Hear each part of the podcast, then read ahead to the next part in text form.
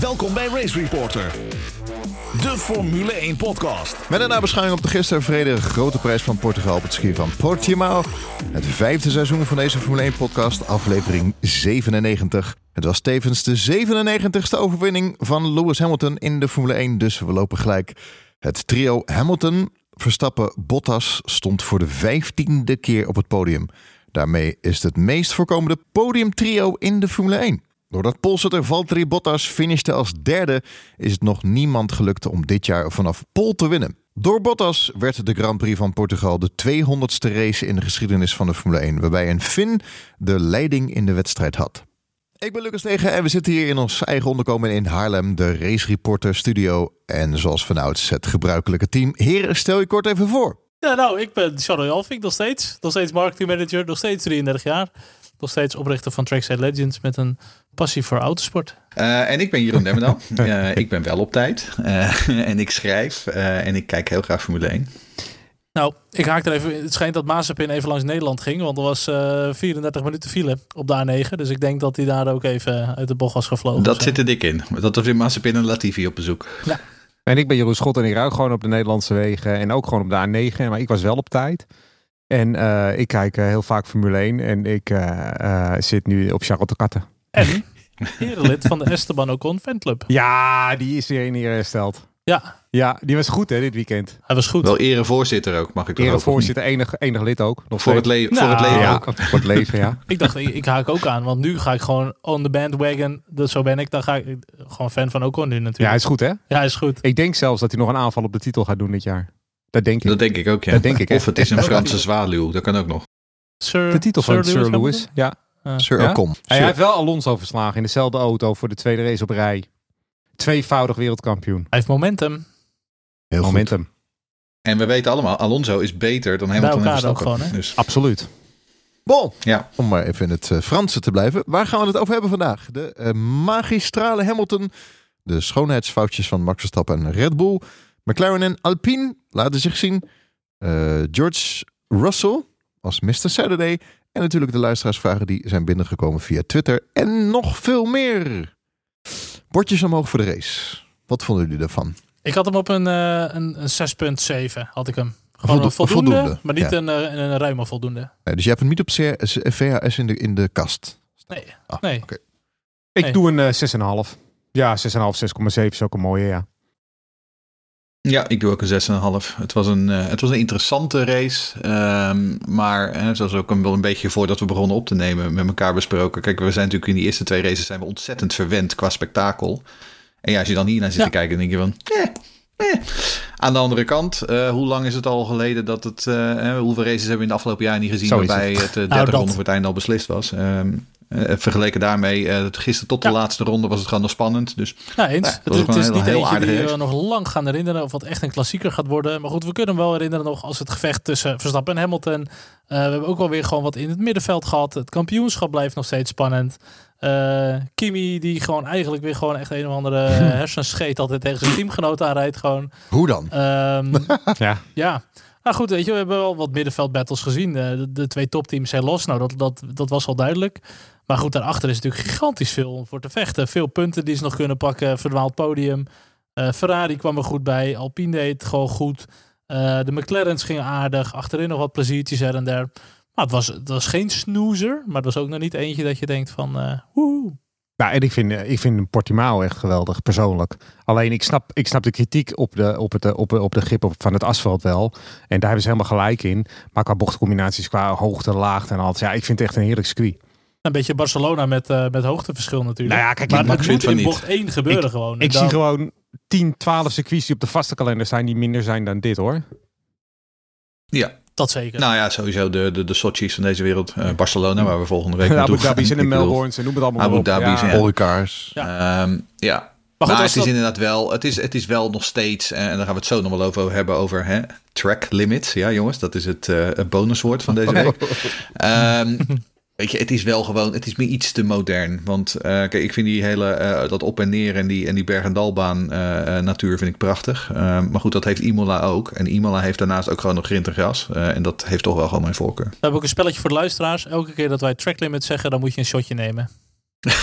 ja, of een, of uh, een slok uit je Race Reporter mok. Mag ook. Ik heb trouwens uh, Track Limit Legends.com geregistreerd. track Limit Legends. Is er oh, vandaag iemand over de track limits gegaan? nee. Goed, de, de race van Max en Red Bull Racing. Ja, ja nee, je kunt hier op twee manieren naar kijken. Ehm, als je glas half vol zegt, dan denk je van... nou, weet je, dit was geen ideale wedstrijd voor Red Bull en voor Max Verstappen. Um, er zaten wat schoonheidsfoutjes, zoals jij al in je intro meldde, Lucas. En uiteindelijk is hij toch gewoon keurig tweede geworden. Ehm, heeft hij daarmee de schade beperkt gehouden op Lewis Hamilton. Aan de andere kant kun je zeggen van... heeft Max op zaterdag een pole laten liggen... Uh, doordat hij uh, net iets te ver uh, buiten de track limits terecht kwam... Uh, heeft hij een klein foutje gemaakt waardoor hij Hamilton zich weer uh, laat pas liet passeren en niet kon kapitaliseren op die, op die goede herstart. Nou ja, er zijn dus twee manieren om naar te kijken. Ik denk dat het allebei een beetje waar is. Um, ik denk inderdaad dat het geen ideale race was um, en ook geen ideale baan voor Red Bull. Um, maar ja, ik zat me gisteren wel een beetje af te vragen: what if um, Max Verstappen na die herstart gewoon voor Hamilton was gebleven en vervolgens in de slipstream van Bottas terecht was gekomen, had hij dan misschien die wedstrijd gewoon kunnen winnen? Volgens mij had Max zelf ook wel laten weten van Mercedes was gewoon te snel dit weekend. Ik zit toch een beetje in het kamp dat ik denk dat vind ik helemaal niet waar. En misschien downplay is het zelf een beetje omdat ze eigenlijk wisten ze hadden die pole kunnen hebben. Ze hadden van Pol kunnen starten. En als Mercedes dan de achtervolging in moet met Bottas op P2, nou dan kan Max gewoon misschien een beetje wegrijden. Um, ja, ik vind dat Max hem gewoon echt heeft laten liggen. In de kwalificatie, ook in de race, had hij net wat scherper kunnen zijn. Anderzijds, het is hem met alle liefde vergeven. Want die jongen die maakt zo weinig fouten. Echte grote fouten zijn het niet. Het zijn inderdaad meer schoonheidsfoutjes, zeg maar. Dingen die hij net iets beter had kunnen doen. Maar goed, uh, hoe goed Max is, dan, uh, dan zie ik dat zeker door de vingers. Maar ik denk dat ze wel hadden kunnen winnen. Mercedes is slecht in verkeer. Uh, had je toch misschien net aan de andere kant van de, van de medaille gezeten? Nee, ik denk het niet. Ik denk dat de race pace van de Mercedes hier echt te sterk was. Dat uh, vond ik het meest zichtbaar toen Bottas achter uh, Max kwam naar de pitstops. Toen, uh, ja, hij kwam met 3,5 seconden of zo. En dat, dat gat werd steeds wat kleiner tot hij dat probleempje kreeg. Ik denk niet dat Bottas er overigens langs was, was gegaan, want het is Bottas. Maar, maar je kon wel zien dat de race pace van de Mercedes ietsjes beter is. Ik, ik denk dat Hamilton het sowieso wel zou hebben gewonnen. Maar goed, nou, vooral die Honda, die liep gewoon niet. Um, ik, ik gooi dat gisteren geloof ik ook op Twitter. Ik zat te kijken naar Max, terwijl die in de DRS uh, eh, achter Bottas zat. En die, die reed 322, 323. En vervolgens zat Esteban Ocon, die zat in de DRS en die ging 335, 336. En dacht ik van, het was toch zo dat de Honda ongeveer gelijkwaardig was aan de Mercedes nu. Ja, uh, ja en dan weet ik wel dat er een verschil in kan zitten in, uh, in setup. En dat ze misschien bij Alpine iets minder vleugel draaien. Maar ik bedoel, dat moet niet zo'n enorm verschil geven. Um, dus ik weet niet precies wat er gaan is met die Honda-motor. Ik, ik, heb daar verder ook niks over kunnen vinden. Alleen maar dat Honda tevreden was met de prestaties van Max Verstappen. Dat weet ik ook niet. Maar ik, uh, ik denk wel dat Max nog een, een tandje bij moet schakelen als hij echt wereldkampioen wil worden. Want ik denk wel uh, als je nou toch voor de derde keer op rij uh, die track limits overschrijdt. Nu moet je weer een shotje nemen als je thuis luistert.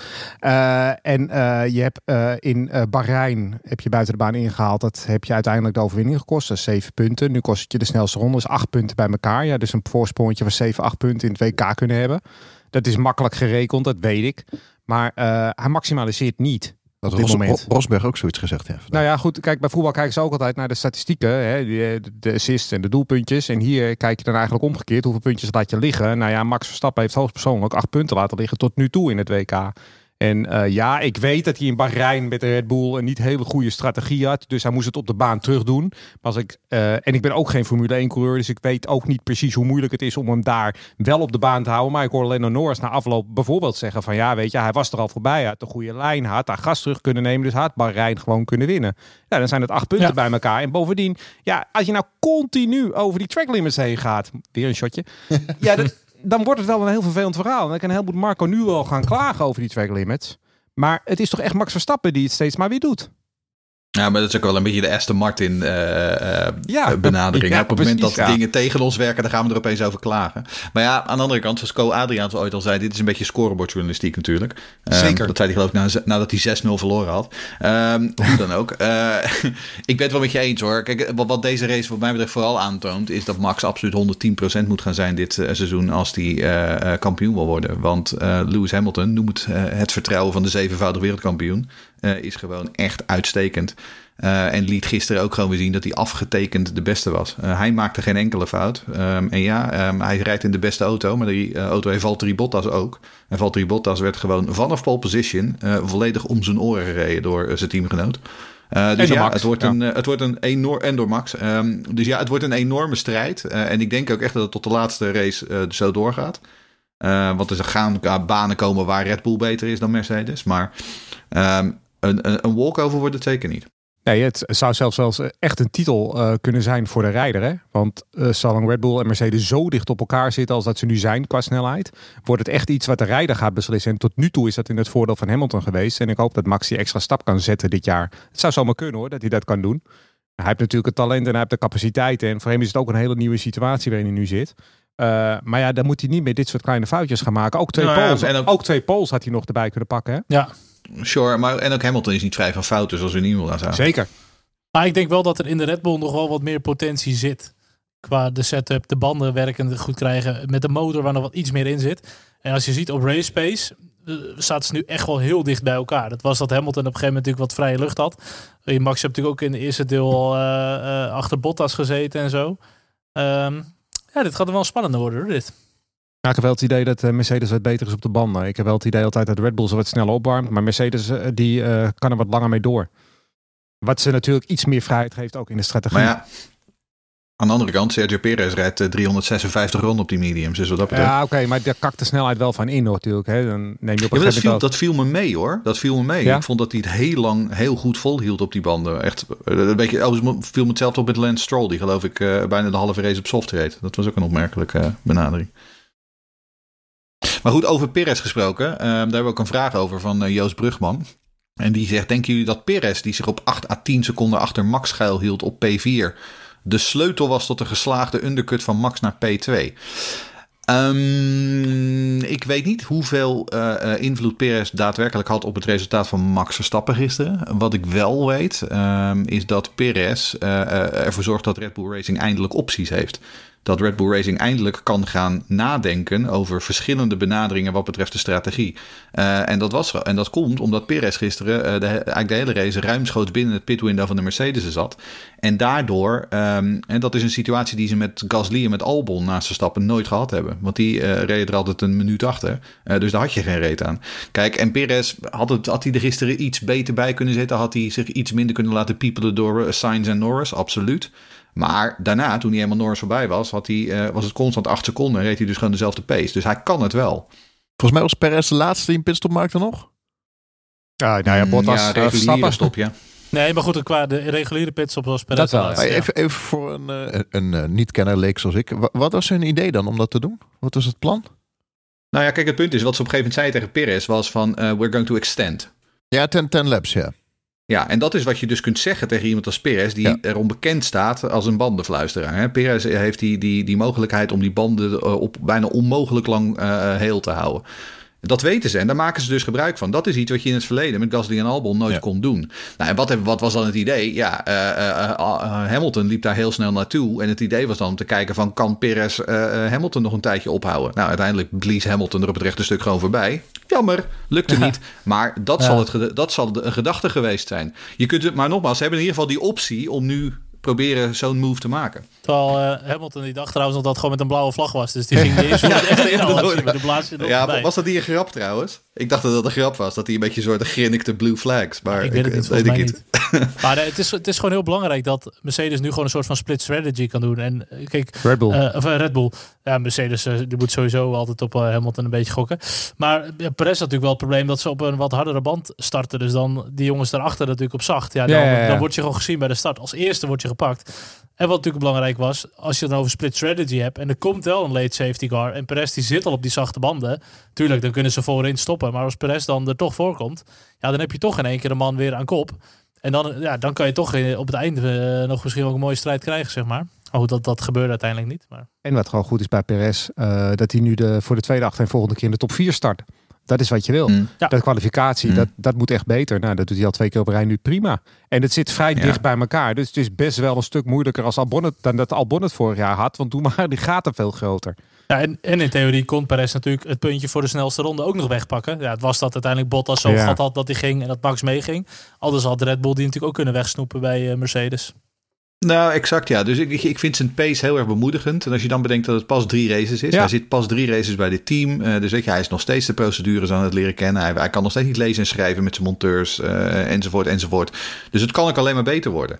Uh, dus ja, ik, ik, ik vind het wel hoopvol. Ik vond het nou, hoopvolle tekenen gisteren. Je ziet het wennen ook aan het feit dat hij wat vaker in de ronde gaat dan dat hij voorheen deed. Hè? Bij Racing Point ging mm. hij eigenlijk nooit in de ronde. Hij was ontzettend betrouwbaar. Maar nu ook in de, volgens mij in de vrije training zagen we hem weer ja. even heen en weer gaan. Op Imola had hij natuurlijk momenten. Hij, die, die, ja. niet van die auto die, ziet, die zoekt hij nog echt. Ja, dat sowieso ja. hoor. Ja. Maar ik denk ook de samenwerking. Dat ze, dat ze Tuurlijk. met elkaar... Ze hadden van de week gingen ze poeder in elkaars gezicht gooien. Ja, blauwe ja. poeder, ja. Maar ik denk dat ze ook gewoon onderling... ze kennen elkaar natuurlijk al lang. Dat het respect uh, meer er is. Ja, maar dat zijn volgens mij wel vooropgenomen filmpjes. Die nee, maar ik volgens mij ook gewoon... Nee. Maar Max ziet hem wel gewoon echt als een vaste waarde en ervaren kracht. En niet een directe dreiging voor zijn stoeltje ooit bij Mercedes, wat dan ook. Weet je, er zit niet die... Andere chemie dan Albon, dat denk ik. En het is sowieso wel lekker als, er, als je iemand hebt die je een beetje op je tenen houdt. Hè? Ja. Uh, want ik bedoel, Albon oh, ja. en Gasly. Hij wist, van, hij wist van tevoren al dat hij uh, ruim voor die twee ging finishen aan het begin van iedere raceweekend. Bij Perez weet hij het niet. Want in Imola stond hij er opeens achter. Ja. Uh, dus ik je, en, en, en, en Perez laat gisteren gewoon zien dat hij, als hij eenmaal, die wil ik zeggen, Noors voorbij is, dan kan hij gewoon hetzelfde tempo draaien als wat Verstappen en Bottas draaiden. Oftewel, daar, hij heeft gewoon de mogelijkheid om, om in ieder geval qua pace heel dichtbij te zitten. En dat, is voor, dat, dat houdt Verstappen ook wel scherp. Dus uh, nee, positief. Ik ben benieuwd hoe dat de komende race zich uh, gaat ontwikkelen. Max geen fan van uh, dit circuit. Hij zegt, ik wil hier gauw weer weg, nooit meer terugkomen. Nou, we hebben net besproken. Wij vinden het wel een leuke baan. Dus wie weet. het is puur het asfalt, hè? Wat het gewoon eigenlijk niet leuk maakt. Als je een baan hebt met wat, wat meer bandenslijtage, maar ook dus wat meer grip en zo, dan heb je wat meer strategieën. Nu ga je natuurlijk naar die, in principe naar een één-stop, uh, weinig grip. Ja, Max houdt gewoon niet van die banen waar je weinig grip hebt. Dat, dat volgens mij vorig jaar ook op Turkije en zo. Hij ergert zich dan Ja, dit jaar ook weer op dat Turkije. Dat is geen Formule 1. Je wil met Formule 1 grip hebben, je moet knallen. Oké, dat je banden moet sparen, benzine moet sparen, oké, tot daar aan toe. Maar als je dan ook nog eens geen grip hebt, ja, wat ben je dan aan het doen eigenlijk, weet je wel? Dus ik, ik snap hem wel hoor, dat hij denkt, hier beleef je weinig echte raceplezier aan. Ik begrijp het ook niet echt, dat je zo weinig grip uh, kan hebben op asfalt, nieuw asfalt. Ja. Het is toch wel anders te regelen? Ja. ik, snap, ik snap dat ook niet zo goed. Want juist meestal is het vaak met, met nieuw vers asfalt dat, het, dat je juist meer grip krijgt. Uh, ik, om even een kleine uh, ja. ver, vergelijk te maken met de IndyCar. onlangs hadden ze op Barber Motorsports Park hadden ze ook nieuw asfalt neergelegd. En ik begreep van Marines 4K dus dat je juist daar nu ontzettend veel grip had. Juist door die ja, asfalt. Ja, maar dat ligt er dus net aan wat voor type asfalt je hebt. Want er zitten natuurlijk mm. allemaal teer, spul in asfalt. Dit is een hele harde vorm van asfalt. Nou, dan had Pirelli ook natuurlijk nog een redelijk harde uh, serie van de compounds mee. Ja, dus hard op hard, dat glijdt gewoon. Als zij een veel zachtere uh, uh, asfalt hebben met veel meer teer en weet ik het wat er allemaal in. Mm. En je hebt wat compounds zachter, dan heb je echt een leuke strategie. Heb je ook wat meer pitstops. Ja, ik weet niet waarom ze kiezen voor een hardere asfalt. Misschien gaat het toch wat langer mee, minder onderhoudsgevoelig. voor andere klasses misschien, ik heb geen idee. Nou ja, niet voor de MotoGP. En die wind. Die, geleden twee weken geleden ook continu. Uh... Ja, maar ik, maar ik bedoel, die, die, die wind is ook verschrikkelijk daar. Want het is echt een tochtgat, dat Portimao. Um, en als je ziet hoe, hoe instabiel sommige van die auto's zijn. Nou, verder hebben we nog een uh, vraag van uh, Vladimir Bartels. En dan hoop ik dat jullie inmiddels naar de drankenkast zijn gelopen en even een lekker uh, neutje of een sterke borrel hebben gepakt. Hij zegt, dit was nou circuit met grindbakken. Waarom dan toch weer die track limits? Een kwart van de bochten wordt bewaakt. Drie races, drie track limit invloeden. Bureau gedoe. Nou, even je shotje weg uh, tikken. Oké, nou, er zijn inderdaad wel grindbak in Portimao. Maar er zit ook nog echt wel enige uitloop. En dat zag je bij een aantal bochten. Heb je echt wel flinke stukken uitloop. En daar kan je ook gewoon nog voordeel pakken.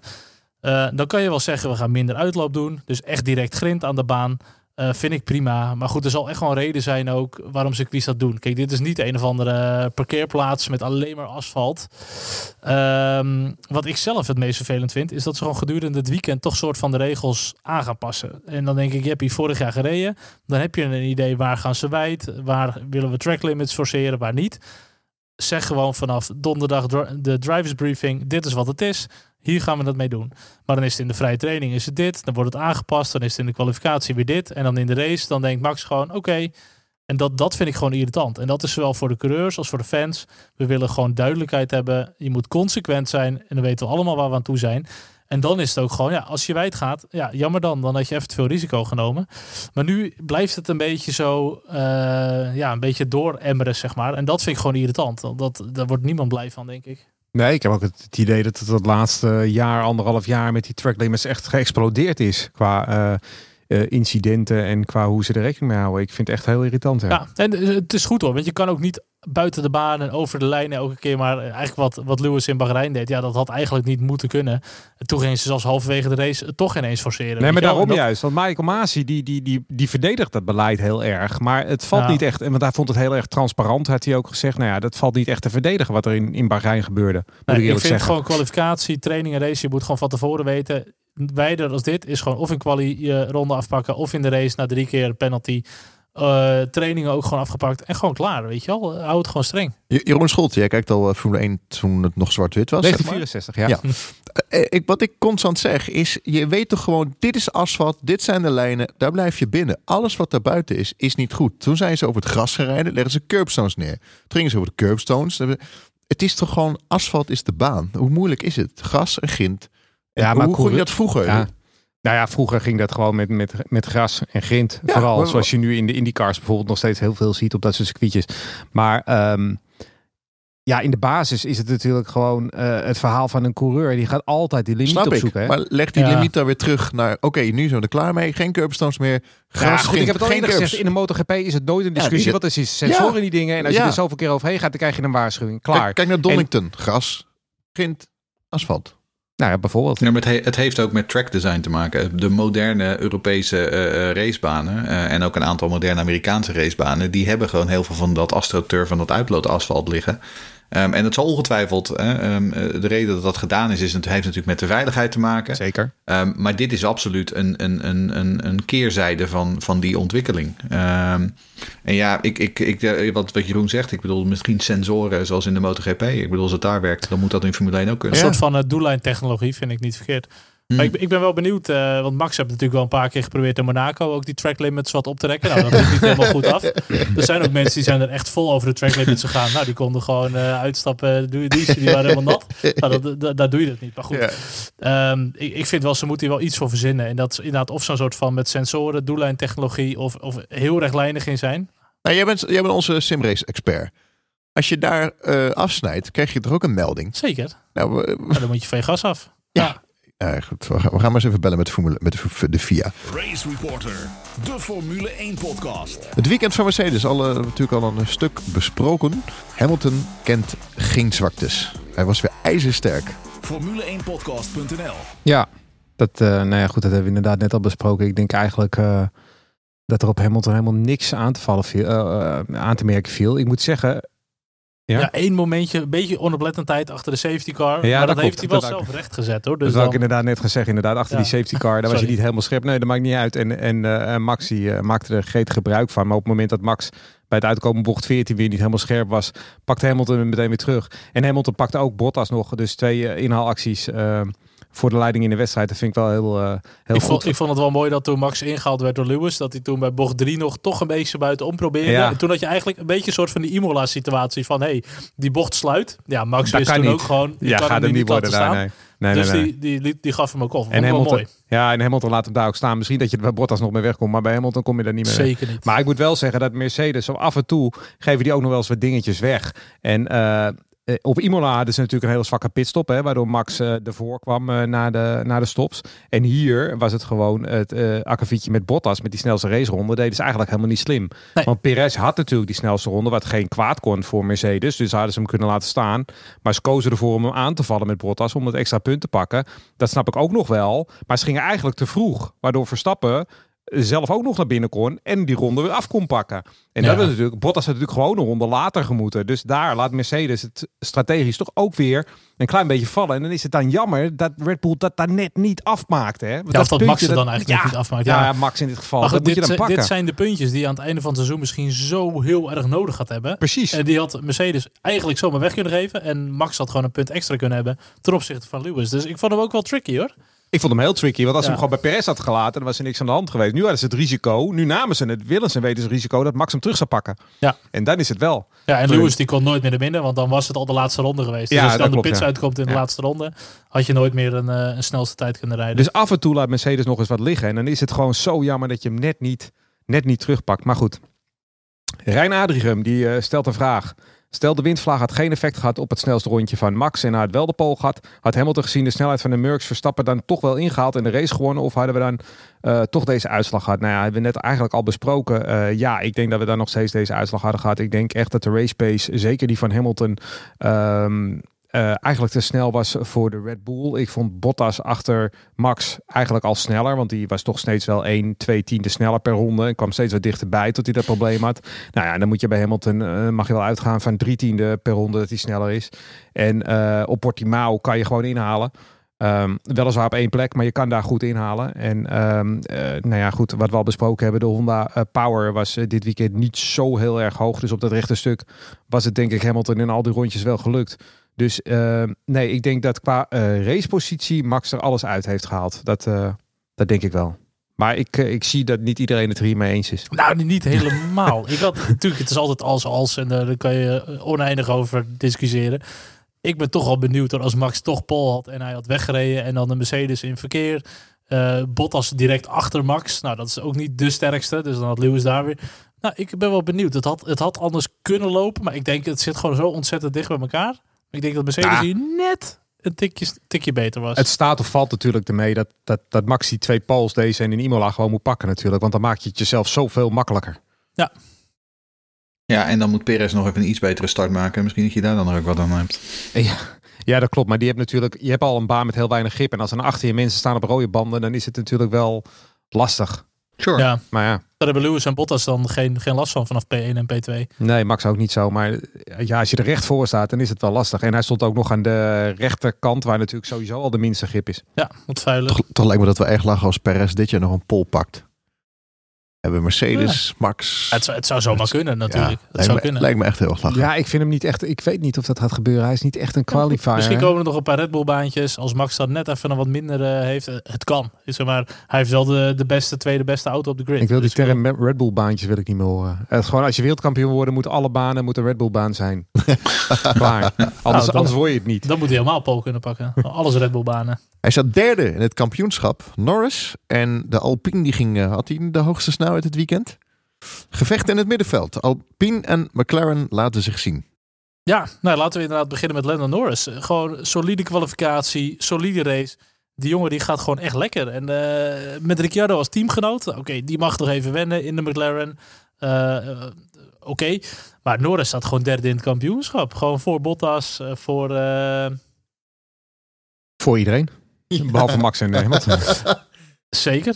Ik heb staan voor Bottas. Oh nee, voor, voor Perez ook. Dus ook Ja, voor de Red Voor Bull. sorry. Perez ook natuurlijk, Ehm, ja. Maar goed, kijk, dat, ik verwacht niet dat je dat het hele seizoen gaat volhouden. Maar goed, hij staat er wel. En hij heeft gewoon echt prima races gereden. Ehm, ja, ik vind het leuk om te zien. En McLaren mag ook in de mix. En wat wil zeggen, die top twee teams, Red Bull, eh, Mercedes, die zijn gewoon helemaal weg. Maar hij staat er gewoon nog leuk tussen zo. eh. Eén ding over Norris. Volgens mij had hij vorig jaar ook zo'n wereldstart aan het begin van het seizoen. En zakte hij later wat verder terug. In het, Ja, maar eh, niet zo sterk als dit hoor. Hij is Nee, sterk. daar- Daar, heb ik, daar heb echt ik, wel ik heb er ook wel op gekeken. Kijk, ik verwacht nog steeds dat hij door het ijs zakt. Eh, misschien dat het eh de tijd van race 21 een keer gebeurt. Maar ehm, nee, wat ik bedoel, Ricciardo was gewoon echt onthutsend. Eh, Oh. Vooral op zaterdag. Gewoon Ehm, Q1 eruit.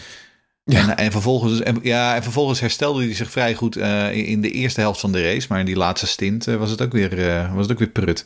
Maar misschien had hij wel hetzelfde probleem als de Ferraris. Want die, die klaagden na afloop allebei dat ze die me- mediumbanden niet op gang konden krijgen.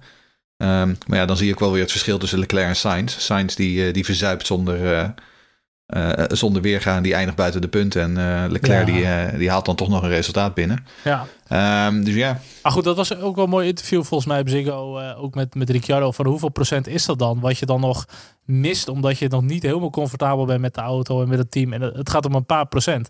Maar toch in tijd en net in kleine foutjes. Of ja, dan, dan leg je dat gewoon nog af. Want ik bedoel, Ricciardo moet qua, qua raw pace moet hij het op het niveau van Norris zitten. Minimaal lijkt mij. Ja, oh, zeker. Ehm, dus ik ben wel benieuwd hoor, als het wat meer comfortabel wordt. Eh, Imola was natuurlijk helemaal een beetje gek in, in, de, in de regen en zo.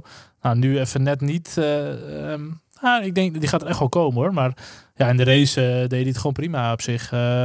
wel mooie gevechten gehad volgens mij en zo. Goed, Ferrari noemde hij al op. Sainz, die op zich ook wel gewoon echt goed was. Maar toch echt teruggevallen. Gewoon dik buiten de punten. Voor mij te vroeg undercut gedaan naar de mediums. Gewoon geen tempo op die band. Uh, voor mij was de slijtage ook al wat hoger dan de meesten hadden verwacht. Begreep zoiets, ja. Ja, uh, nou goed, Leclerc uiteindelijk P6 geworden. Was hij ook helemaal niet tevreden mee. Dat ik dacht, nou ja, vijfde en zesde, uh, hoger dan dat ga je niet worden in een Ferrari. Maar goed, uh, Leclerc is wel gretig en hij wil graag. Ik denk wel dat dit wel een beetje de limiet is ook voor Ferrari, wat, wat Leclerc heeft laten zien. Ja, maar hij kwalificeerde zich natuurlijk ook op die mediumband in Q2. En hij had verwacht dat hij daar dan zeg maar zijn voordeel van kon doen. En dat voordeel viel uiteindelijk erg mee, omdat die mediumbanden dus niet werkten. Eens. Maar goed, Ferrari is wel redelijk stabiel. Weet je, ze doen niet zo hele rare dingen. We hebben best wel vaak gelachen om de, om de dronken Baviaan. Nou, die deed waarschijnlijk ook elke keer een shotje als het track limit zijn. Maar die, die lijkt wel een beetje op zijn retour te zijn. Ferrari is gewoon een beetje gezetteld. Ze doen gewoon een ding. Ze zijn nog niet aan de top, maar Oh, ze zitten wel in de mix. Ik had het niet verwacht hoor, dat ze zo erbij zouden zitten. Dit jaar. Nee, dus, ik ben heel benieuwd hoe ze het gaan doen op de langzamere banen, zoals Monaco en zo. Ben ik wel heel benieuwd naar.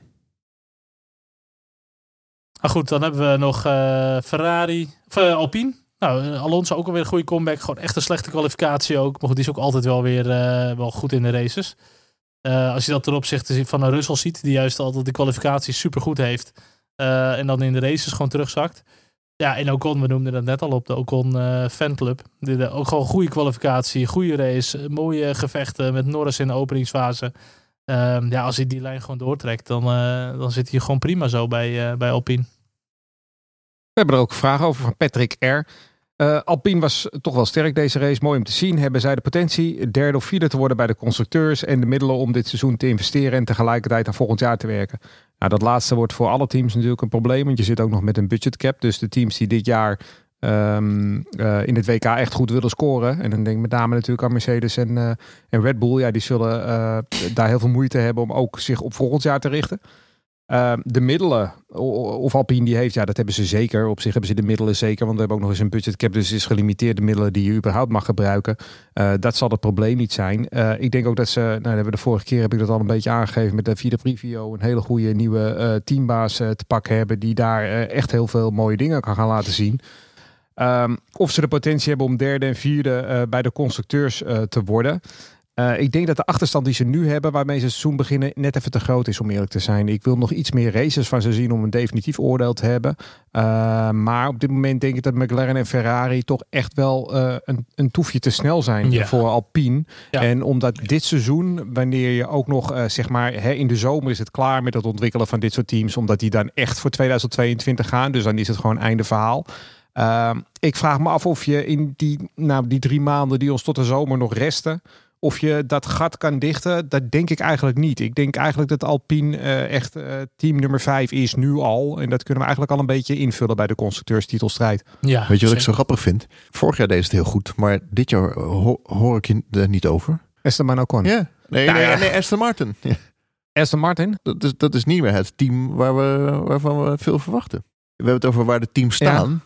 Ja. Nou ja, Aston Martin, uh, dat valt mij erg tegen. Maar dat, die, die, dat komt dus allemaal, hebben we dus gehoord. Dat komt niet door Aston Martin, hè. dat komt door de regelwijzigingen. Die zijn allemaal, uh, maar je, blijkbaar je zegt, hebben ze niet meebesloten. Terwijl alle andere teams wel mee mochten beslissen. Je zegt McLaren, Ferrari ja. en een Alpine is net nog nee. iets, iets te... Maar heel je, Aston Martin is nergens in dat hele verhaal. Nee, nee. Die zijn gewoon weg. Nee, die, die, zijn die, die, die, die, horen ook niet bij, denk ik. Nee. Ik denk dat Aston Martin echt duidelijk het zesde team is op dit moment. Met, met Perez hadden ze ook gewoon echt wel een solide coureur. En dat, ik zou Vettel ook absoluut een solide coureur willen noemen, maar die laat het echt niet zien. En de afgelopen jaren al niet.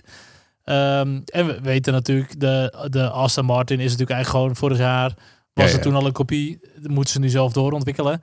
Ja, dat is gewoon heel lastig. En dan eh, de regels zijn dan ook net iets meer in jouw nadeel uh, met de rake en zo. Ja, het is een lastig seizoen tegemoet, denk ik.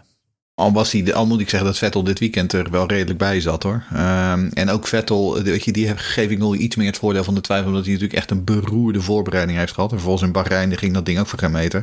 Um, en hij moet gewoon ook nog steeds wennen aan die auto. En heeft uh, van alle coureurs die in een nieuw team ingestapt zijn, met afstand de minste ronde kunnen rijden.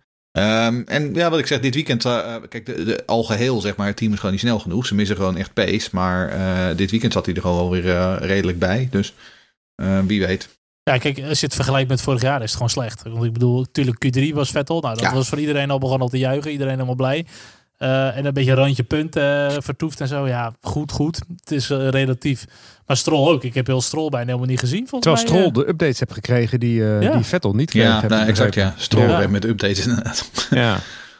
Maar goed, het was sowieso een vrij moeizaam weekend voor, voor Aston Martin, maar ook voor Alfa Tauri. Als je dan hebt over teams waar in potentie uh, veel in moet zitten. Weet je wel, twee, twee goede coureurs. Uh, de Honda motor die heel goed zou zijn.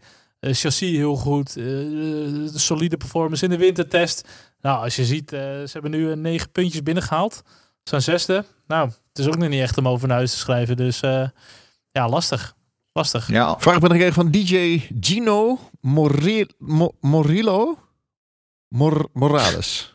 Ja, hij maakt Gino die, mooie, Morales. die, die papieren auto's van McLaren en papieren van auto's maken. Ja, ik, ja, ja, ik, gast, ik verwar met een Italiaanse DJ, maar goed, even dat terzijde. ja, de Gino die vraagt: wat vonden jullie van de Old Man Alonso op zondag? Um, nou ja, ook hier weer uh, kwalificatie. Daar zie je dat hij gewoon af en toe toch nog gewoon een paar tiendes mist hier en daar. Maar dan vervolgens inderdaad op zondag zie je dat hij het gewoon wel weer redelijk herstelt. Uh, dus ook Con, hè, die zat er vanaf, dag, eh, vanaf minuut 1 goed bij. Uh, en uiteindelijk finishte Alonso geloof ik op een seconde achter Ocon. Um, dus ja, ik, ik, bedoel, uiteindelijk heeft uh, in eerste instantie dacht ik van nou, Ocon die is gewoon Alonso dikke klop aan het geven. Maar dat viel uiteindelijk aan het einde van de rit ook wel weer mee.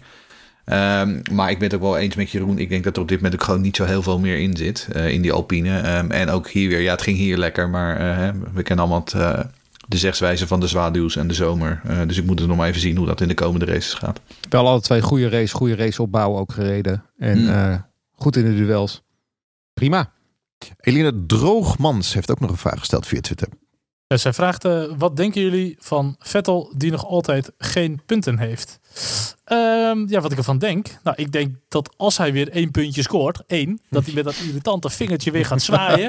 maar dan niet voor de overwinning, maar omdat hij gewoon één hele punt heeft gescoord. Ja, voor snelste ronde. Eén punten. Ik denk dat hij, dat hij zo, zo blij gaat zijn met dat stomme vingertje van hem. Ja, het is treurig. Ik bedoel, kijk, natuurlijk Vettel, eh, ik, ik, ik, ik vind Vettel helemaal prima coureur. Eh, leuk hoe hij deed bij Red Bull en zo. Jammer dat het bij Ferrari niet is gelukt.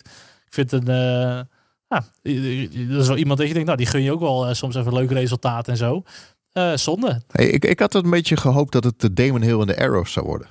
Dat verhaal. Dat die zo, met zo'n met zo'n wat minder team. Nou, Hongarije moet nog komen hey, ja, weet je nog hoe dat begon, dat seizoen? Ja, en de Arrows. uh, die kwalificeerde zich niet, hij kwalificeerde zich niet in Melbourne, hè, omdat het ding niet harder ging dan uh, zeven, zeven seconden langzamer was dan Jacques Villeneuve. Dus, ja, oké. Um, weet je, als, als het zo wordt, dan ten tijde van Hongarije, dan uh, kan Vettel de overwinning vechten. Ja. Maar hij moet echt wel wat puntjes gaan pakken nog hoor, dit seizoen. En ik denk, ze moet even in een goede flow zien te komen nog. Maar... Ja, maar ook, ook voor hun ja. geld natuurlijk, dat je, maar, dat je na de zomer echt doorgaat met volgend jaar. Hè? Dus, dus als je nu een achterstand hebt, is het lastig hoor. En we moeten ook niet vergeten, uh, ieder punt levert. Ja, ja Wat levert dat op, Jeroen? Voor de waterput in, uh, yes. in, in, in, de kindertjes in Gambia. In Afrika. Ja. Gambia. De kindertjes in Gambia. Ja, ja die krijgen weer een waterput dit jaar. Zeker. Back by Dope Demand, de, de waterput-actie. Ja, ze hadden waarschijnlijk liever dat Mercedes of Red Bull dat had gezegd. ja. ja, exact. Ja, dan had je er een paar meer gekregen. Want er wordt nu maar een enkel waterpuntje ben ik Of een waterpuntje beetje, ben ik bang. Ja. Vraag met van Daniel. Ja, die vraagt uh, over Yuki Tsunoda. Ben ik de enige die Yuki nog redelijk vindt tegenvallen? Na Bahrein heeft hij geen goede race of quali meer gehad. En hij komt niet eens in de buurt van Gasly. Ik weet dat hij een rookie is, maar het gaat tussen Tsunoda en uh, Gasly is vrij groot. Nou ja, uh, na Bahrein hebben we maar twee races gehad. Dus dat valt allemaal ook nog wel mee. Waarvan ook nog één regenrace. maar en, ze waren niet goed, dus hij wel gewoon gelijk. Nee, ze waren niet goed inderdaad. maar volgens mij heeft hij ook nog nooit nee. Portimao gereden, Tsunoda. En in, op Imola reden in de regen. Dus het valt ook allemaal niet mee voor die jongen. Wel moet ik, om eerlijk te zijn, zeggen dat ik denk dat Yuki Tsunoda wel zo'n typisch gevalletje is van een coureur die het beste nog een jaartje in de Formule 2 had kunnen rijden. Hij is nog wat onstuimig en hij is nog wat wild. En ik hoor hem ook, uh, ja, jij moet er altijd heel erg om lachen, Charles, omdat altijd gevloeken getier over de boordradio. Maar ik denk, jongen, denk nou eens aan je bloeddruk en ga nou eens gewoon rustig racen en ja. erger je niet aan iedereen. Uh, ik heb wel het idee dat die jongen nog erg jong is als coureur, zeg maar. Ja, ik moet zeggen, ik vond het leuk. Maar nu, dat zei de vorige keer ook een beetje, het wordt een beetje irritant. Kijk, als je dan Max bent die bij Toro Rosso komt en je haalt al direct het onderste uit de kan. En dan ga je kritisch zijn van jongens, dit moet beter. Of weet ik het wat. Je hebt echt goede feedback, goede kritiek. Oké, maar eh, weet je, als je dan ziet hoeveel foutjes die nog maakt en hoe grillig die is. Dan, dan moet je ook heel even, even passen op de plaats. En maak maar gewoon je rondjes, rij je races. Haal er gewoon genoeg uit. Maar ga nu niet meteen hoog van de toren blazen. En nee, dat, dat, dat hoeft voor mij ook niet echt hoor. Nee, nee, ik ben het ermee eens. Uh, ik, ik, het, het, uh, het was een moeilijke baan, Portimao. En als Max Verstappen er lastig mee heeft, dan zal Yuki Tsunoda er ook ongetwijfeld heel lastig mee hebben. Uh, maar ja, ja, er mag nog wel een tandje bij. Ja, absoluut. Gaan we kijken naar de achterhoede, achterhoede duels. Mick Schumacher doet goed mee. Ja, want in 1997, toen was er een andere Schumacher. Die reed ook tegen een Williams. Uh, en, die, en die ging er af en toe wel eens voorbij. En af en toe reed hij hem nog eens van de baan af. Uh, en nu uh, was er weer een Schumacher die gewoon eh, in, zijn, in zijn haas... waarvan we er allemaal over... we zijn het er allemaal over eens, dat is een Russisch konijnenhok. En die waren veroordeeld tot helemaal achteraan rijden. Maar Mick Schumacher die reed gewoon, nou ja, gezien het materiaal een prima wedstrijd. en, en eindigde voor Nicolas Latifi. Dus dat doet hij uiteindelijk heel knap. Um, Erwin die vraagt ook, wat vonden jullie van de race van Schumacher? Nou ja, weet je, nogmaals, op, op, dit niveau en, en, en eh, op die plek van het veld is het altijd een beetje lastig inschatten. Uh, dat weten we nog wel uit de tijd dat Jos Verstappen in een terrorhol aan het rondboenderen was. um, maar um, ja, ik vond, ik vond dat hij het heel erg goed gedaan heeft. aan de andere kant, eh, je kunt je afvragen, zeg maar, uh, George Russell. die begint inmiddels een beetje de, de bijnaam te krijgen Mr. Saturday. Want hij kwalificeert zich regelmatig heel erg goed. Nu ook weer elfde, volgens mij een van zijn beste kwalificatieresultaten in New Williams. Um, en ja, als je dan vervolgens ziet hoe die echt als een baksteen weer naar beneden in dat veld uh, zakt. Op een gegeven moment zelfs achter Latifi terechtkomt. Uh, nou, uiteindelijk herstelde hij dat dan wel weer redelijk. Maar um, ja, George Russell moet op, uh, op zondag echt meer gaan leveren. Want hij, hij is er nog niet. Ik vind het ook lastig oordelen. Want eens, hij staat op zaterdag er altijd beter voor dan wat hij in de zondag laat zien. Maar is hij dan gewoon extreem goed over één rondje? Is die auto gewoon echt zo slecht op race pace op de zondag. Vind ik moeilijk oordelen. Maar eens ook op de zondag heeft hij ook wel eens foutjes gemaakt. Maar die zaterdag is hij echt subliem gewoon.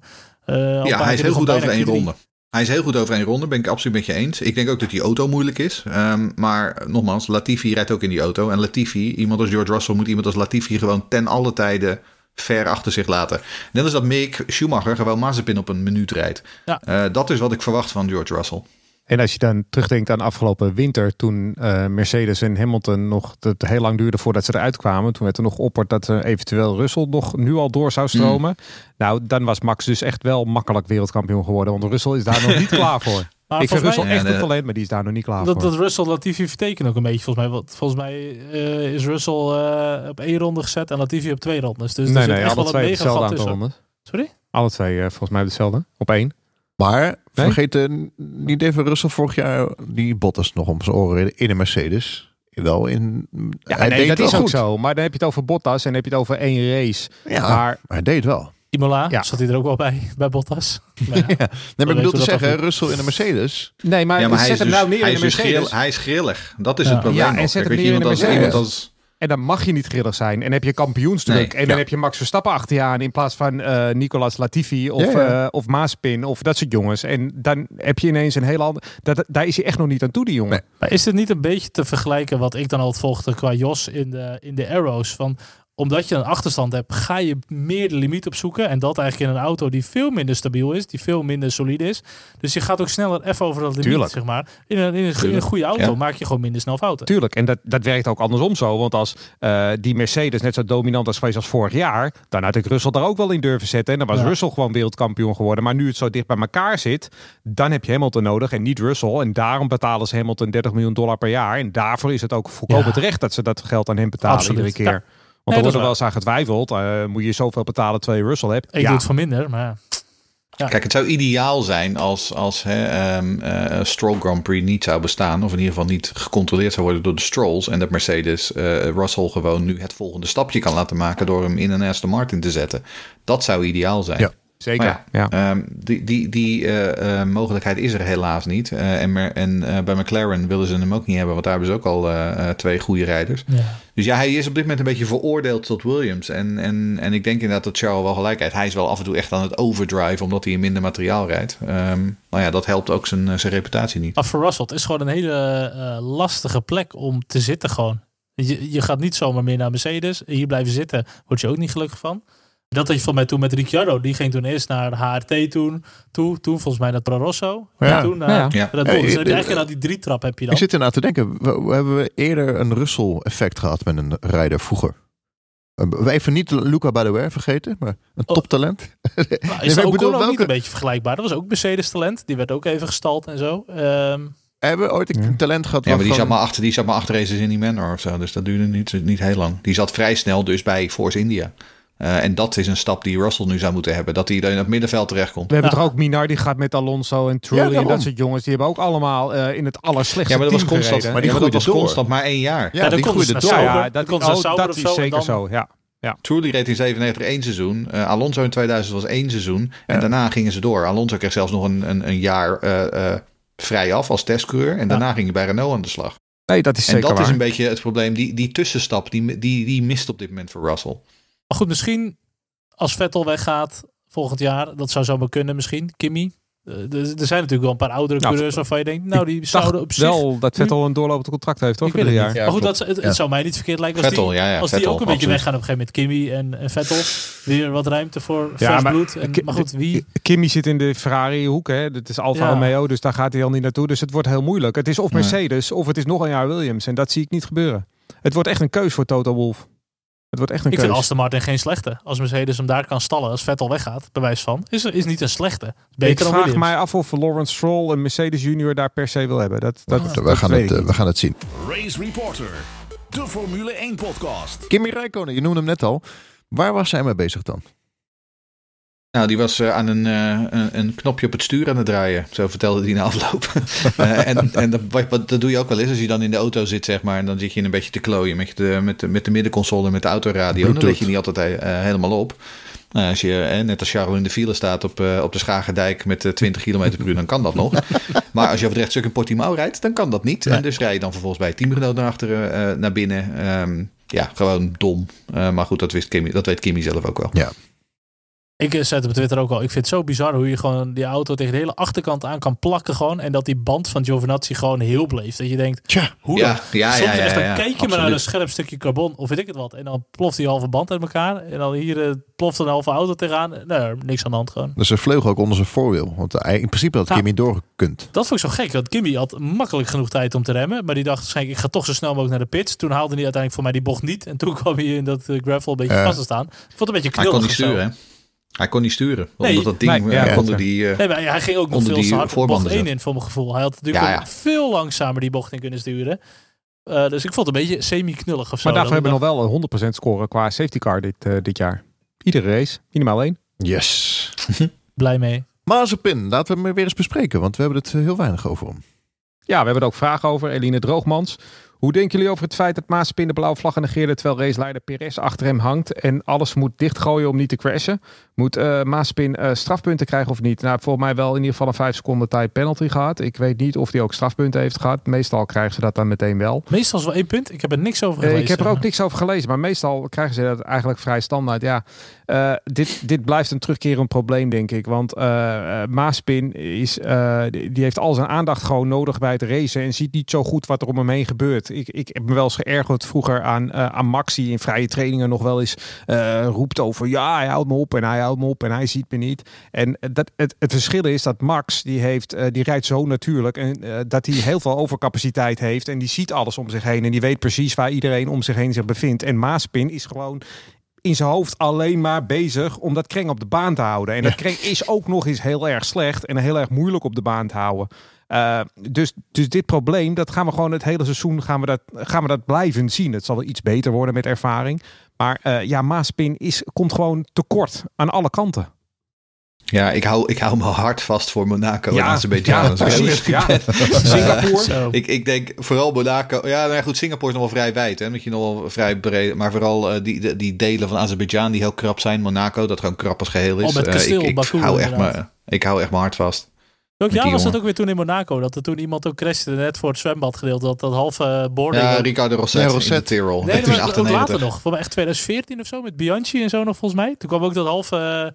eh, dat rubberen zijkant ding kwam ook half op de baan volgens mij en zo. Die, eh, Oh, dat weet ik niet meer. Ja, Oh, maar- dat zou best kunnen. Weet je, je, je hebt er zoveel Dat gehad. Chatar- Chattarella nog een keer in de Simtech. Die, Ja. probeerde, Ook, ja. die was gespind en die probeerde nog een keer te spinnen. En toen reed hij zichzelf klem in de vangrail. Ja. of een, een, een Duitser, ik weet even zijn naam niet meer. Die parkeerde hem met opzet. ging even rechtdoor per Ja, die ging even rechtdoor. Toen kreeg hij eh, een tik op zijn Ja, vinger. Dat was gewoon per ongeluk. eh, Ja, oh, dat was- de broer van Ralf, volgens mij. Oh ja. De broer oh ja. vanaf, ja, de vader van Mick nog.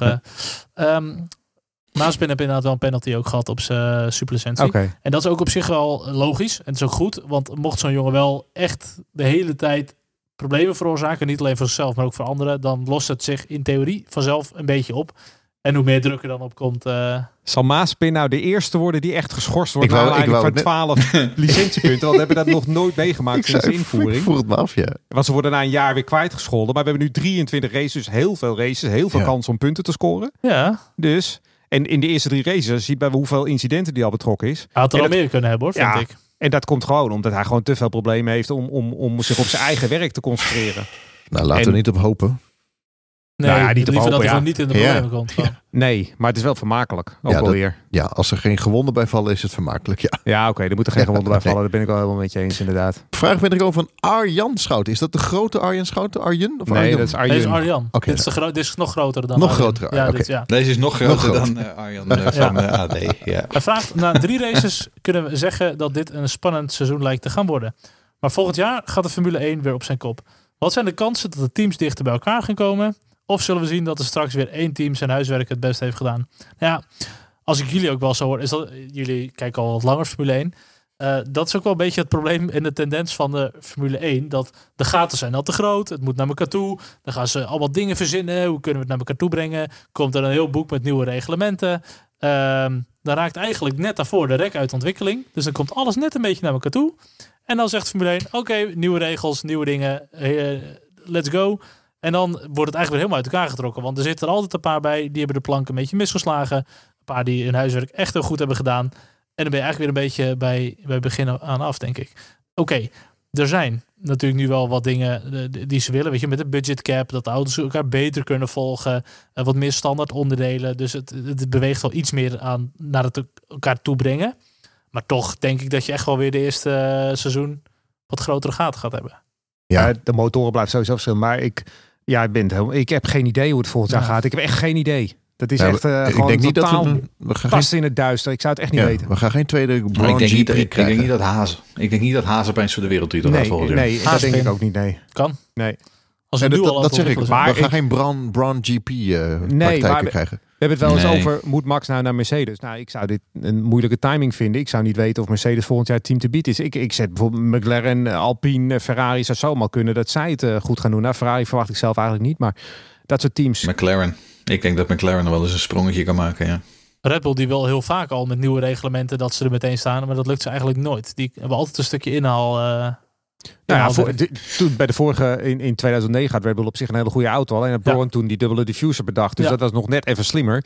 Uh, maar maar het is, wel, het is wel grappig wat jij zegt inderdaad. Dat als het, net als alles dan weer een beetje bij elkaar begint te komen. Dat ze dan denken, nou huppa, nieuwe regels. Want ik zat dan van de winter, zat ik natuurlijk die eind jaren 80 uh, uh, terug te kijken. Toen op een gegeven moment in 87 gingen ze de, de turbo's eruit gooien. Want dat was allemaal te duur. Ja. Nee, er moest een simpelere motorenformule komen. En dan zou het allemaal dichter bij elkaar komen. Zou het betaalbaarder worden. en vervolgens in 88 rijdt McLaren Honda gewoon alles en iedereen helemaal het snot verloren. Ja. En die won nog geloof 15 van de 16 races. Um, en, en de gaten werden dan eigenlijk alleen maar groter. Dus ja, ik, ik, ik ben het wel met je eens. Het is altijd, soms zou je denken van misschien moet je er nu gewoon even met je klauwen vanaf blijven. Ja, want de gaten zijn helemaal niet groot momenteel, hè? Nee, helemaal ook, niet. Ook in kwalificatie. Ik bedoel, als je nu, uh, zoals Bottas uh, vorig jaar, vorige week op uh, Imola het even minder doet, dan sta je meteen achtste met de Mercedes. In vorig jaar was hij nog gewoon tweede, derde geweest. Maar het komt ook omdat niemand, weet je, iemand, die auto's kunnen niet zo heel veel verder meer doorontwikkeld worden. En we rijden in feite grotendeels met de auto's van vorig jaar. Maar ja, dit is natuurlijk, dan kun je je afvragen, moet Formule 1 dat doen? Of moet het, want wat het is, je gaat in de richting van een spec-serie. Ehm, ja. En dat is natuurlijk wel een beetje uh, niet wat Formule 1 is. En nieuwe reglementen kosten altijd meer geld. Want hetzelfde blijven doen, ongeveer hetzelfde, dat is altijd goedkoper. Ja, dus, maar je hebt een budgetcap, ja, hè? Kijk, je hebt een budgetcap en dat is wel waar ook sommige mensen over vallen. Ja, je doet dan veel standaard onderdelen. Of je doet een budgetcap. Het is of het een of het ander. En, ja. ja je hebt natuurlijk die tokens en zo met de windtunnel, uh, hoeveel tijd je hebt en zo. Dus dat is op zich een goede ontwikkeling hoor, denk ik. Uh, het is een stukje soort van balance of performance bijna. Ja, je, je, wil het gewoon dichter bij elkaar hebben. Dat, dat vind ik juist zo leuk aan de IndyCar. Dat als je nog in de lead lab zit, dan, oké, dat gebeurde niet nu, maar dan heb je gewoon echt nog een kans op, op een uh, goed resultaat. Als je ook wat verder achterin zit. Ja, met de Formule 1 is die kans echt nihil gewoon bijna. Ja, oké, maar die hebben ook wel ovals en die hebben veel meer uh, Jawel, gele daar, vlaggen daar natuurlijk. kan in theorie iedereen winnen, bijna. Ja, maar dat is Formule 1 nooit geweest. Dat is het nee, verschil met de Formule 1 nooit geweest. Dat, ook wel de charme hoor. Dat kan nooit. Het zijn altijd twee, drie teams geweest. En ja, maar dat is hetzelfde. Weet je, dat is de reden dat wat we altijd zeggen de afgelopen jaren. Formule 2 was altijd het best bewaarde geheim van het Formule 1 weekend. Omdat dat namelijk de leuke races waren. Zo, zo, was het gewoon. En ik heb altijd puur qua amusementswaarde vond ik de Formule 2 de afgelopen jaren veel leuker dan de, dan de Formule 1. Ja, maar ja, dat is omdat ze allemaal met hetzelfde materiaal rijden. Helemaal nu dit seizoen ook weer met twee, hopelijk twee Nederlanders. Fiscaal natuurlijk die het hele seizoen gaat rijden. Verschoor ja, weet van voor, ook op weg, als het goed is. wat ik hoorde, komt dat ook wel goed uiteindelijk, linksom of rechtsom. Dus uh, dat, dat is ook wel leuk om te volgen dit seizoen. Dan gaan we kijken naar Spanje. Komend weekend alweer. Leuk. Ja. Weet jullie het nog? 15 mei. Het, ja, 2016. Ja, ja, dat weet ik nog wel. Toen stond ik, uh, nou ja, het had ik wel een, een, traantje in mijn oogjes. Ja, dat... Uh, dat is wel zo, ja. Maar had je vliegen in je oog, zeg maar. Ja, vliegje inderdaad, ja. Ja, wat dacht jij dan? nee, maar ik moet heel eerlijk zeggen, uh, uh, Barcelona is niet een circuit waar ik warme gevoelens bij krijg, ondanks die ene hele mooie dag toen de tijd. Uh, ik vind het een, ja, ik vind, ja, ik vind, ik vind het een heel saai circuit. Um, het is wel een circuit waarvan men zegt, nu gaan we de werkelijke verhoudingen zien. Maar ja, goed, weet je, uiteindelijk is het ook wel weer per circuit verschillend. Uh, ik verwacht wel dat, uh, dat, dat Red Bull daar. Uh, ik verwacht eigenlijk een pole en een zegen van Max. Dus dan ga ik alvast loop ik vooruit op mijn voorspelling. Ik denk dat het wel goed gaat komen voor, voor Red Bull. Misschien laat Barcelona ook wel een beetje zien, ook wat er weer mis is met de huidige Formule 1. Dat die auto's gewoon misschien toch net iets te snel gaan, maar ook gewoon te groot zijn en zo. Want ook met de, met de vierde series en weet je al, andere raceklasses, wat je met Formule Renault had en Formule 4. Dan zijn het echt hele toffe banen. Want dan is die baan ook groter, eigenlijk echt stukken langer. Ja, dan, dan is het wel wat leuker. Maar voor de huidige Formule 1 is het, uh, wordt het toch gewoon minder. Zo ja, ze hebben, wel, ze hebben wel die bocht 10 of 11 is het volgens mij. Hebben ze aangepast. Het hele ja. langzame bochtje hebben ze aangepast. Maar ja, dat was nou niet het grote probleem, vond ik. Voor meer de chicane op het eind. Die moet je daar eens weglaten. Ja. Zoals in de MotoGP. Ja, die is ruk. In de MotoGP moet je hem ook niet. Dan kun je gewoon die wijde bocht nemen. Dat is mooier. Maar ja, goed. Uh, het enige aan die chicane is dat die minder slecht is dan degene die ze in 1994 hadden. Toen ze gewoon twee ja, bandenstapels hadden. Ja, dat um, ja. Nee, ja, ik, weet, ik, ik, ik hoop uh, dat we weer krijgen. Dat is het enige. Uh, net als in 1996. dan moet het niet zo hard regenen als in 1996. Want dan wordt die race weer afgelast. Maar weet je, gooi, het, het, is, het is echt zo'n baan waarvan ik altijd in zo'n race waar ik altijd denk van... Oh ja, dan moeten we ook nog even doorheen. Ja. Um, dus weet je, ja. geef, dan maar, geef me dan maar wat weer. Een beetje ja. Imola, een beetje... We hebben, beetje, dat, we hebben dat ooit gehad, regen beetje Spanje. loterij. Spanje 1, 92, Senna en Gindbak. Ja. Is achteruit. Uh, 96, 96. 96, stromende regen, Schumacher. Vier seconden sneller dan de rest.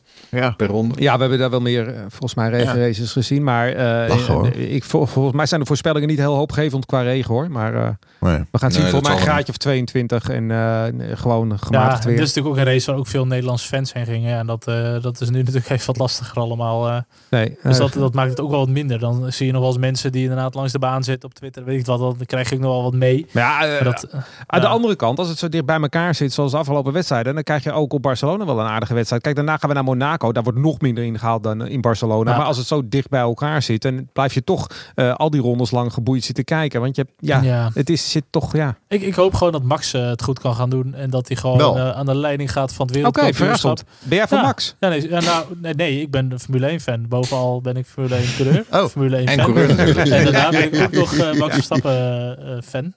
Fanboy. Nee, maar Nee, maar ik vind het zou gewoon heel erg leuk zijn als er een Nederlander aan de leiding van het wereldkampioenschap gaat. En dan, uh, dan weet je zeker dat het gevecht dit seizoen. Uh, dan moet uh, Lewis wel, dan moet hij ook de snelste ronde pakken. Of Lewis moet derde, derde, worden. Ja. Of, of ja. Bottas moet een, iets op zijn stuur doen. Dan gaat zijn lampje branden en dan zet Lewis hem ernaast en dan pats. Ja, maar het, ze eraf. Daar hebben we het niet over gehad trouwens. Dat duel tussen, nou duel kan ik niet noemen, tussen Hamilton en, en Bottas. Oh. Maar ik vond Hamilton dan wel even een risico zo buitenom. En Bottas die nog daar zat. Ja, maar dat, is... dat had ook zo net even anders af kunnen lopen. Ja, maar bij Bottas doe je dat. Jawel wel. Maar het was wel... Bij Alonso niet. Met, ja, zo, weet je, ja. Nee, op Max. het teamgenoot, het was wel een risico, zeg maar. Het liep ja. goed af. En als iemand het kan, is het Lewis. En als iemand ook iemand laat gaan, is het wel Bottas. Ja, maar als Bottas ah. heeft nog geen contract voor volgend jaar. En als hij hem daar laat ja. staan en Hamilton af had gekegeld, dan had hij volgend jaar ook geen contract voor volgend jaar. Zeg maar. nee, nee, en Bottas is ook geen Rosberg. Want ik geloof dat Hamilton dat bij Rosberg ook nog een keer geprobeerd heeft om hem er ergens tussen te knijpen. Ja. Volgens mij was dat zelfs in Barcelona. Yep. Um. die, uh, die sidepods hangen ergens in een garage hè, bij Mercedes. Van die crash. Ja, ja, ja, ja. ja. hebben ze waard. Fantastisch. Ja. te herinneren toen, uh, zeker. Mooie herinneringen. Mooie herinneringen. Heel Spanje, mooi, zeker. Spanje, Spanje. Ja. Ik denk dat Alonso het heel goed gaat doen komend uh, weekend. De race is 9 mei.